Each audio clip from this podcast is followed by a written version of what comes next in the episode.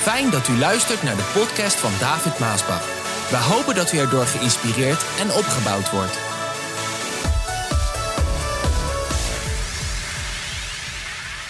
We gaan naar het woord van God. En ik wil u graag meenemen om Jezus te volgen vandaag in zijn zeven geweldige ervaringen met God. Ik ga zeven ervaringen delen die Jezus met zijn vader, met God had.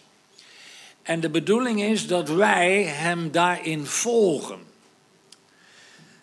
Nummer 1. De eerste geweldige ervaring die Jezus met God had was een geestelijk ontwaken. Kan u dat zeggen?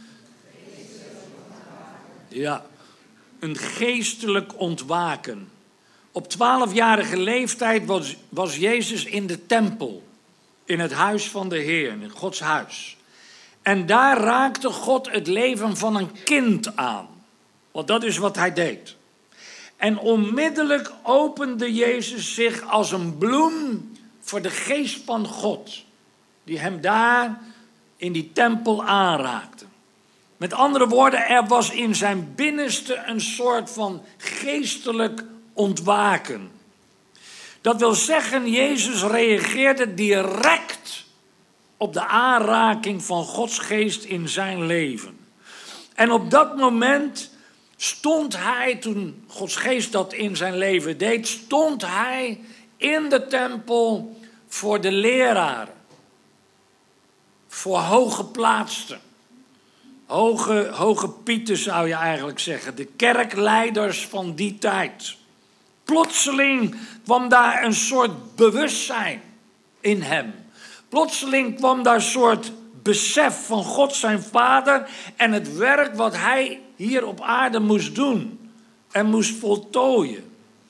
Later, als zijn moeder dan aan Jezus vraagt, wanneer ze teruggaan naar Jeruzalem of naar Nazareth, wanneer zijn moeder dan aan hem vraagt waar hij was en wat hij aan het doen was, dan antwoordt Jezus, maar mama, weet u dan niet dat ik bezig moet zijn met het werk van mijn vader? Dat was niet het werk van zijn vader Jozef in de timmermanszaak. Nee, lieve broeders en zusters, het was het geestelijke werk van zijn echte vader in de hemel. Nou, ik heb ook zo'n soort ervaring in mijn leven gehad. Toen ik acht jaar oud was. S'morgens vroeg, acht uur, op een zondagmorgen, acht jaar, uh, is meer dan vijftig jaar geleden. Maar ik weet het als de dag van gisteren. Zondagmorgen, acht uur. En ik hoorde de stem van God tegen mij zeggen, wat hij ook tegen Salomo zei toen hij jong was. David, vraag maar wat je wil en ik zal het je geven. En ik antwoordde, Heere, geef mij inzicht en wijsheid, zodat ik uw volk kan leiden. En de Heere zei tegen mij, omdat je dit gevraagd hebt en geen lang leven en geen rijkdom voor jezelf, zal ik geven wat je hebt gevraagd en ik zal je ook geven wat je niet vroeg. Dat was een geestelijk ontwaken in mijn leven toen ik acht jaar was. En lieve mensen, ik reageerde op die aanraking van God in mijn leven. Dat was voor mij een geestelijk ontwaken. En zo heeft iedereen in zijn haar leven een geestelijke ontwaking nodig. Iedereen die moet zich bewust worden van de levende God in zijn en haar leven. Jij moet je bewust worden van de levende God in jouw leven. En ik ben die ervaring die ik toen had en die over mij kwam en tot mij kwam toen ik acht jaar oud was, nooit vergeten. Geestelijk ontwaken. Dat geeft je een besef van de levende God in de hemel. Het geeft je een besef van, een, van de geestelijke dingen die er zijn. Nu, nummer twee. De tweede geweldige ervaring die Jezus met God had was de doop der onderdompeling. Ook een hele belangrijke. De bedoeling dat wij Hem hierin volgen. Vraag me af of jij je kan herinneren of je echt zo'n geestelijke ontwaking in je leven hebt gehad. En hoe je daarop hebt gereageerd op dat geestelijke ontwaking. De tweede is geweldige ervaring die Jezus met God had, is de doop dus der onderdompeling. Alleen geestelijk ontwaken is niet genoeg. Het moet gevolgd worden door een beslissing in je leven. Een beslissing dat je niet meer je eigen weg wilt gaan. Maar dat je de weg wil gaan die God wil dat je, dat je zal gaan. Heb jij dat ook gehad? Na een geestelijke ontwaking? Jezus die ging naar Johannes de Doper.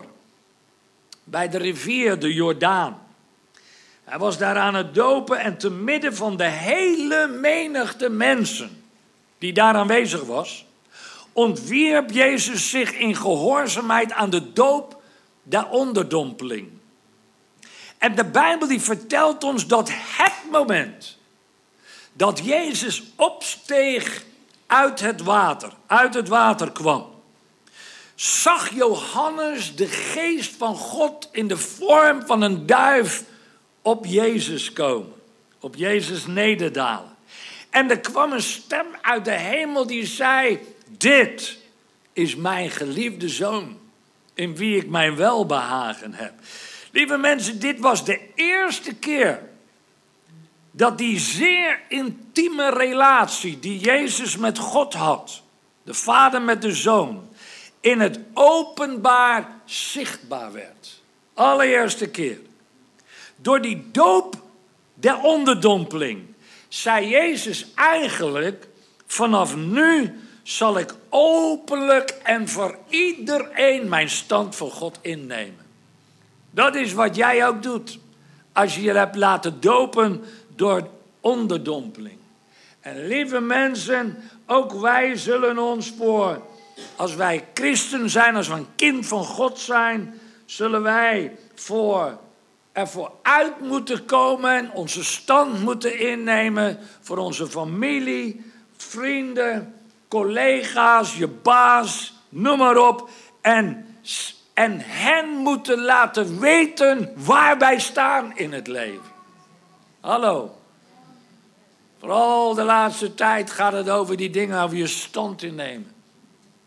Er komt een moment dat als je die geestelijke ontwaking hebt gehad, je hebt daarop geantwoord en je laat je dopen, de onderdompeling, dan stap je in de openbaarheid.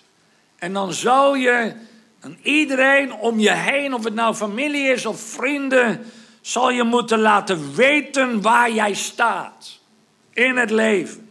En zeggen, ik heb voor Jezus gekozen. Ik sta aan zijn kant. En waar hij leidt, daar wil ik mij volgen. Ja, dat, dat is belangrijk. Dat moeten sommigen ook tegenover papa en mama. Ja, maar ik heb voor Jezus gekozen. En ik weet dat er sommigen zijn die helemaal alleen zijn komen te staan. Maar je kan beter helemaal alleen met God staan. Dan helemaal alleen met je familie staan. Zonder God. Echt waar. Die tijd die breekt aan. En alleen dan zal de hemel voor je open gaan. En zal God tot jou spreken. En zal je een intimiteit met God bereiken die je op geen enkele andere manier kan bereiken. Alleen met God zijn en staan. Stand innemen. Laten weten waar je staat. En ik denk dat het goed is dat Gods kinderen en dat de kerk laat weten waar ze staan. Ja, oké. Dan krijg je dingen over je. Maar geef niet, het hoort er allemaal bij. Nummer drie. De derde geweldige ervaring die Jezus met God had was de verzoeking in de woestijn. Jezus die ging naar een eenzame plaats. De woestijn. De woestijn is een eenzame plaats waar je kunt nadenken over je leven. Waar je kunt nadenken over de toekomst. En ook jij en ik, we hebben een eenzame plaats nodig waar we niet gestoord worden door, door vrienden, de familie, de telefoon, televisie, reclames, lawaai, muziek, noem maar op. Je hebt, je hebt een eenzame plaats nodig waar je, waar je kan bezinnen, waar je tot rust kan komen. Waar jij alleen met God bent. En de Bijbel die vertelt ons dat Jezus 40 dagen aan het vasten was en dat hij honger kreeg. En terwijl hij naar die stenen keek, werd hij geconfronteerd met die eerste verzoeking. U bent toch de zoon van God? zei de boze. Als u de zoon van God bent, zeg dan tegen deze stenen dat ze brood worden. Nee, zegt Jezus. Er staat in de boeken dat eten niet het belangrijkste is, maar dat de mens ook leeft van ieder woord dat God spreekt. Dat wil zeggen, de mens is niet alleen maar een vleeselijk wezen. Het wil zeggen, de mens is ook een geestelijk wezen. Jij bent niet alleen een geestelijk of een vleeselijk wezen, jij bent ook een geestelijk wezen. Het is belangrijk dat je dit begrijpt en beseft. En Jezus laat hier zien dat de honger in zijn ziel groter is dan de honger in zijn vlees. De honger in zijn ziel naar de levende God is sterker en groter dan de honger in zijn vlees naar het aardse brood. En hij laat zien dat de honger in zijn ziel alleen maar gevoed kan worden door het woord van de levende God. Dit is waar vele christenen een fout maken. Ze proberen de honger in, in hun ziel te stillen met allerlei dingen van, van, van de wereld. Maar luister, lieve mensen, dat gaat niet. De honger in je ziel kan alleen maar gestild worden, bevredigd worden door de Heilige Geest.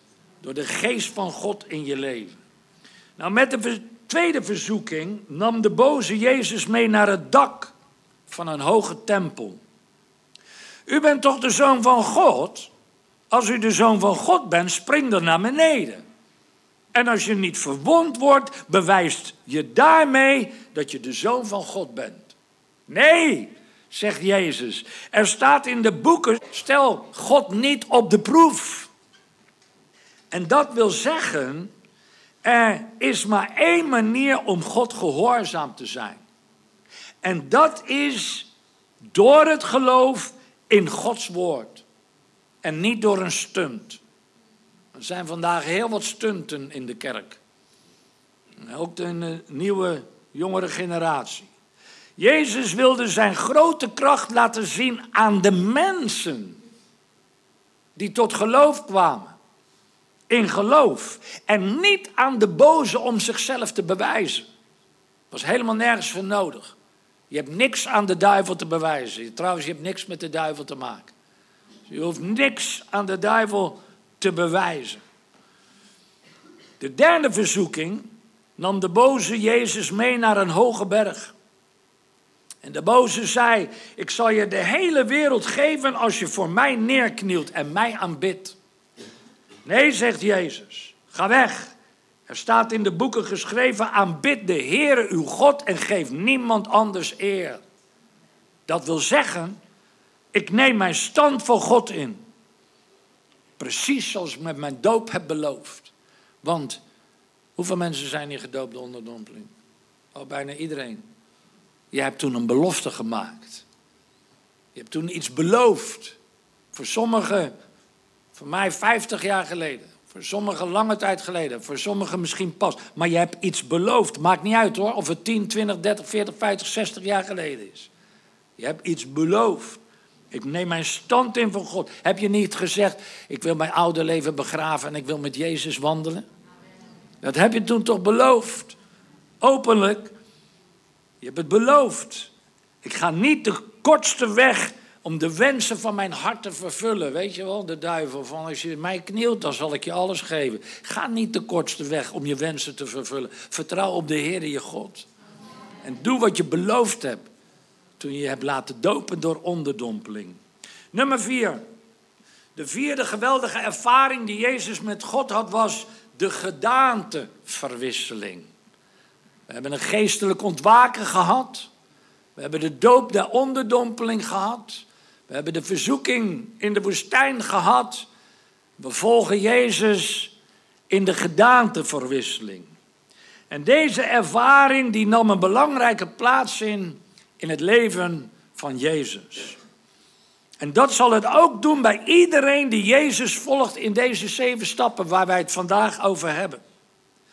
Die vierde ervaring die deed Jezus ten volle realiseren. Ten volle beseffen waarvoor hij naar de wereld was gekomen.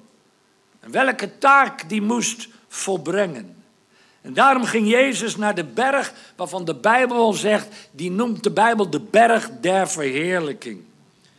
En daar werd het overduidelijk, op die berg der verheerlijking, dat hij zijn taak alleen maar kon volbrengen door zichzelf te geven als een losprijs tot in de dood.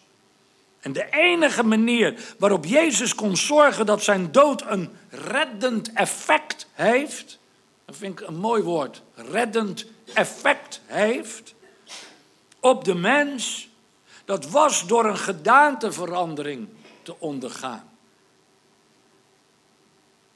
Het is belangrijk waar ik het over heb, waar, waarin wij moeten volgen. Een gedaanteverandering. In die gedaanteverandering zou hij worden aangeraakt door het hemelse. Ook wij hebben dat nodig. Hij zou aangeraakt moeten worden om zijn taak te kunnen volbrengen. Wij hebben ook een taak en die moeten we ook volbrengen. Dat is wat de Heer wil. Die gedaanteverandering, dat is het innerlijke, goddelijke licht dat tevoorschijn komt wanneer je door het hemelse wordt aangeraakt om je taak te volbrengen. Het is mooi hoor, luister goed.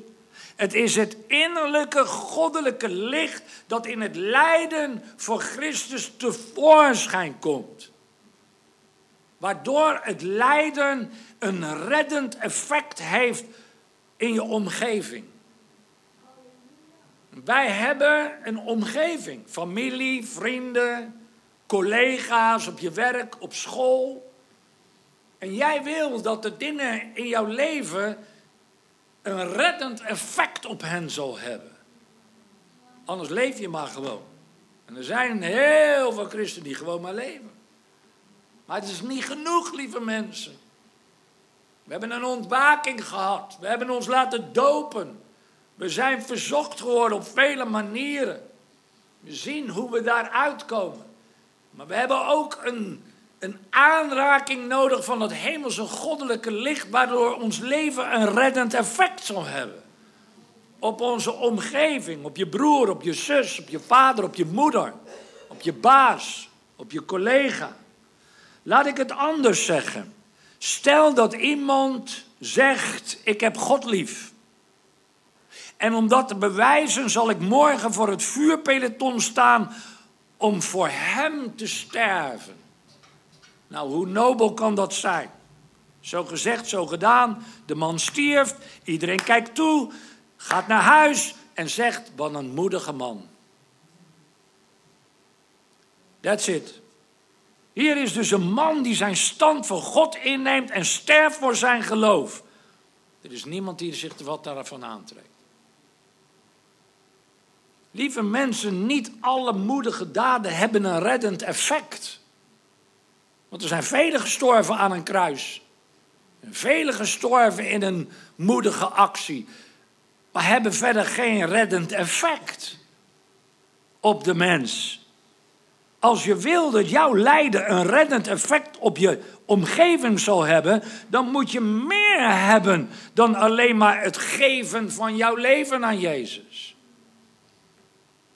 Want velen zeggen, ja, ik heb mijn leven voor Jezus gegeven. Nou, wat houdt dat in dan? Heb je een reddend effect dan op de mensen om je heen? Zijn de mensen tot bekering gekomen? Zijn de mensen tot geloof gekomen? Zijn de mensen gered geworden? Je moet dus door het hemelse worden aangeraakt. En op die berg der verheerlijking gebeurde dat met Jezus.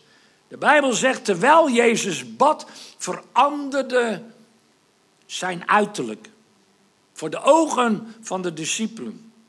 Zijn gezicht straalde als de zon, zijn klederen werden verblindend wit. En ineens zagen zij Jezus praten met Mozes en met Elia. En er kwam opnieuw een stem uit de hemel die zei: Dit is mijn geliefde zoon, in wie ik mijn welbehagen heb. Het innerlijke goddelijke licht binnen, binnen in Jezus reflecteerde op zijn gezicht en klederen. Eigenlijk dat innerlijke goddelijke licht God in ons moet reflecteren. In ons doen en laten, handelen, praten. Ten opzichte van de mensen om je heen. Jezus die kreeg een heerlijke, wonderbaarlijke hemelse aanraking van God daar. Op die berg der verheerlijking. En die aanraking, die had een groot effect op zijn lijden en sterven wat daarna kwam. En dat is ook wat ik zoek. Ik zoek het ook in mijn leven. Dat mijn leven een instrument zal zijn en mag zijn waardoor God mensen kan aanraken, waardoor God mensen kan redden, waardoor God mensen kan verlossen en bevrijden uit de machten der duisternis. Ik hoop dat u dat ook verlangt. Dat, dat je niet zomaar je leven leeft en wat als een kaars uitgaat ik heb mijn leven gegeven voor Jezus. Maar dat jouw leven die jij geeft voor Jezus een reddend effect zullen hebben op de mensen om je heen. Dat God door jou heen mensen kan redden, verlossen en bevrijden. Nummer vijf. De vijfde geweldige ervaring die Jezus met God had was Gethsemane. Gethsemane.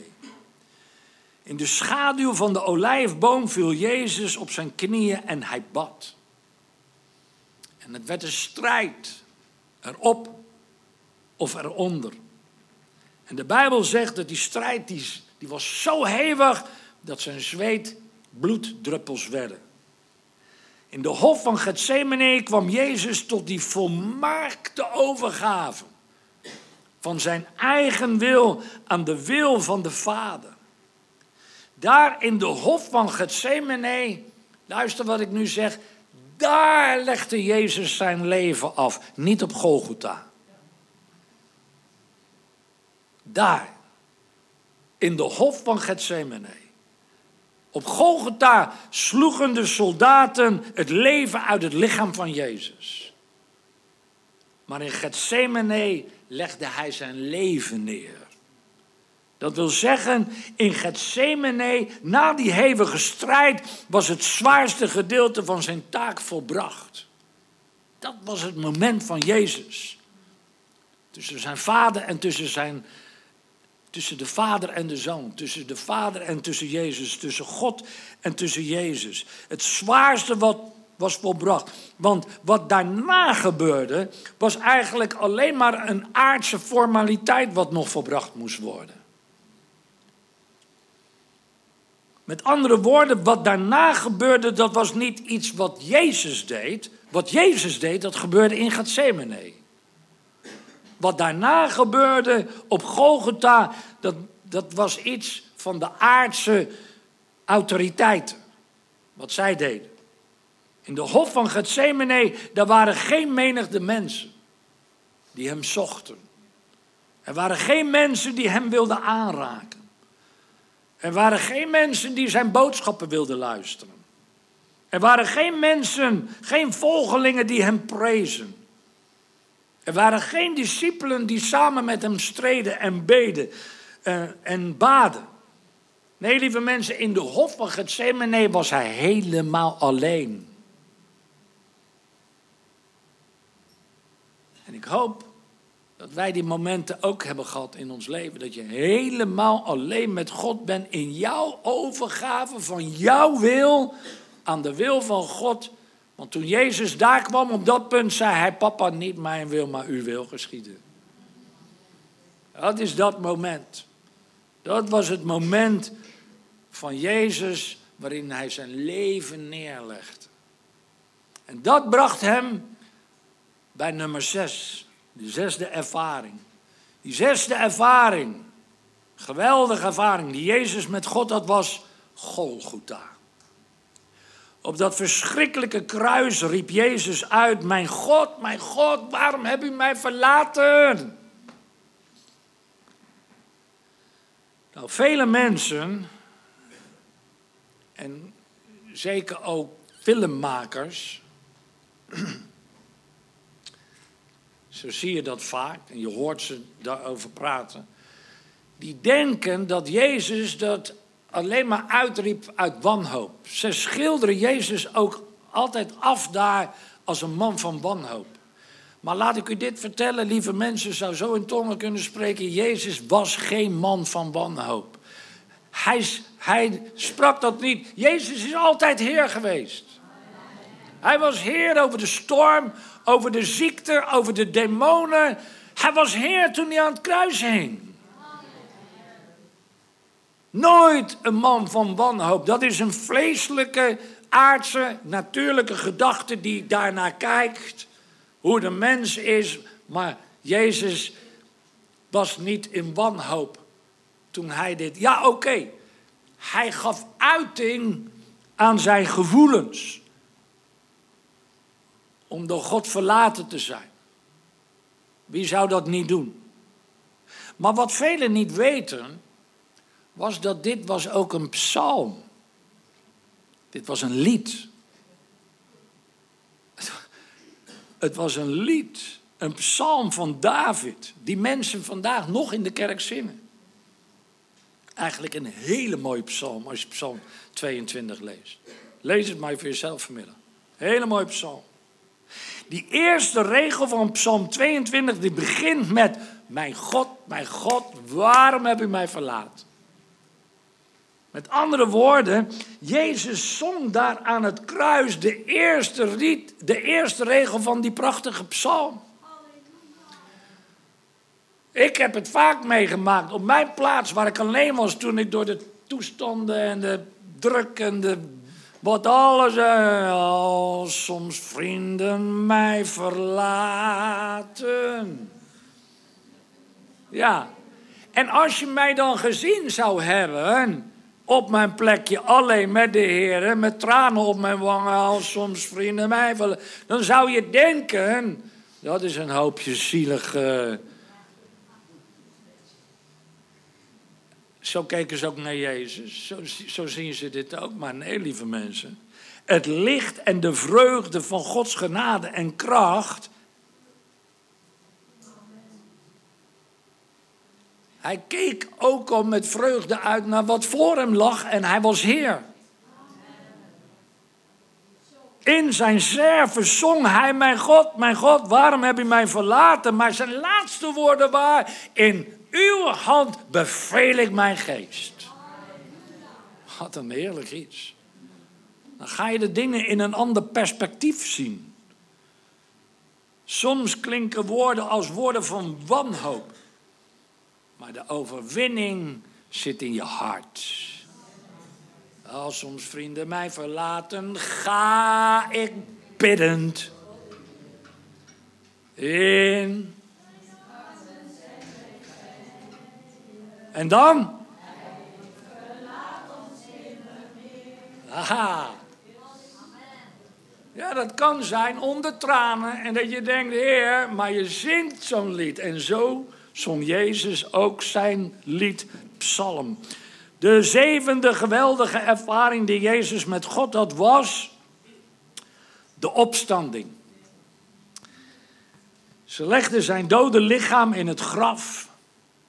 Zijn geest, zegt de Bijbel, ging naar het dodenrijk. En daar schudde hij de poorten van de hel. Daar nam hij de sleutels van de dood, de hel en het graf. En Jezus stond op uit de dood precies op het moment scheen een helder wit licht. Lees het maar. We zitten toch Pasen opstanding. Lees dat, die paar hoofdstukken. Uit de hemel in het donkere graf. Een engel die rolde de steen weg en de geest van Christus kwam weer terug in zijn lichaam. Wonderlijk. De wereld gelooft er natuurlijk geen snars van, zelfs vele theologen niet. Maar ik geloof wat de Bijbel zegt. Jesus said it. I believe it. En Jezus, de opgewekte zoon van de levende God, hij leeft vandaag. Hij is niet dood. Hij leeft vandaag. Voor eens en voor altijd. En daarom kan Jezus en kon Jezus ook zeggen: Ik ben de opstanding en het leven. Wie in mij gelooft zal leven, ook al is hij zij gestorven. Ik ben niet bang voor de dood. Moet er alleen even doorheen. Niet zoveel zin in. Wie heeft er wel zin in? Mam is ook 95. Mam, hallo. 95 jaar. Er komt een zondag dat ik ga zeggen: Mam is naar de Heer. Ja. Dat gebeurt bij jou ook. Bij mij ook. Boemuggen, vroeg of laat. Nemen we afscheid voor een korte tijd. Korte tijd. We zijn al meer dan 50 jaar samen. En als de tijd komt, het zei ik, het zei u, korte tijd. We moeten even door de dood heen. Nogmaals, ik heb er niet veel zin in. En alsjeblieft, ga niet huilen en treuren. En... Want ik ben springlevend, hè. Ik ben blijer dan jullie zijn, hoor.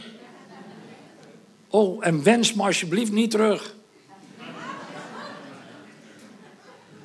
Want mijn taak is dan volbracht. En dan ga ik. Om voor eeuwig en altijd bij hem te zijn. En als u ook volhardt, zullen we straks allemaal rondom de troon van Jezus staan. Waarom? Hij leeft. Hij leeft tot in eeuwigheid. Lieve mensen, het waren deze zeven geweldige ervaringen van Jezus met God. En die eindigde met een climax. Hij ging naar de Vader. Maar jou en mij, meest grootste ervaring. We hebben deze gehad, als het goed is, heb je Jezus gevolgd in je ontwakening. In je doop, de onderdompeling, in je verzoeking. Uiteindelijk helemaal zo door Golgotha. Maar onze grootste ervaring gaat nog komen. Dat is als Hij ons komt halen. Dat is als Hij weder zal komen. En wij Hem tegemoet gaan in de lucht. En ik ga daarom de toekomst tegemoet met hoop, met blijdschap. Ja, als je naar de wereld kijkt, dan denk je, wat een toestand. En soms word je er moe van, en soms zucht je. Misschien onder de zwaarte van alle lasten die er zijn. Maar de Heer helpt ons ook nu. Kom tot mij als je vermoeid bent, belast bent. Ik zal je kracht geven, ik haal je erheen. Lieve mensen, ik en mijn huis, wij zullen de Heer dienen, wat jij ook doet. En eens komt die dag. En dan zullen we bij hem zijn. En met dit in het vooruitzicht. Hoe moeilijk het ook zal worden en zijn. Met dit in het vooruitzicht. Daarom kan ik zingen. Omdat hij leeft. Zie ik uit naar. Omdat hij leeft. Zie ik uit naar morgen. Ken je dat lied nog van vroeger hè? Omdat hij leeft.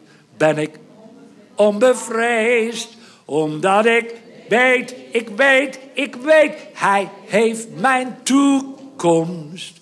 Is het leven waard te leven juist omdat Hij. Amen.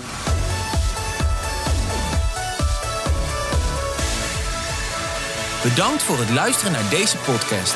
Wilt u meer preken beluisteren? Ga dan naar message.maasbachradio.com. Bezoek ook eens onze website www.maasbach.nl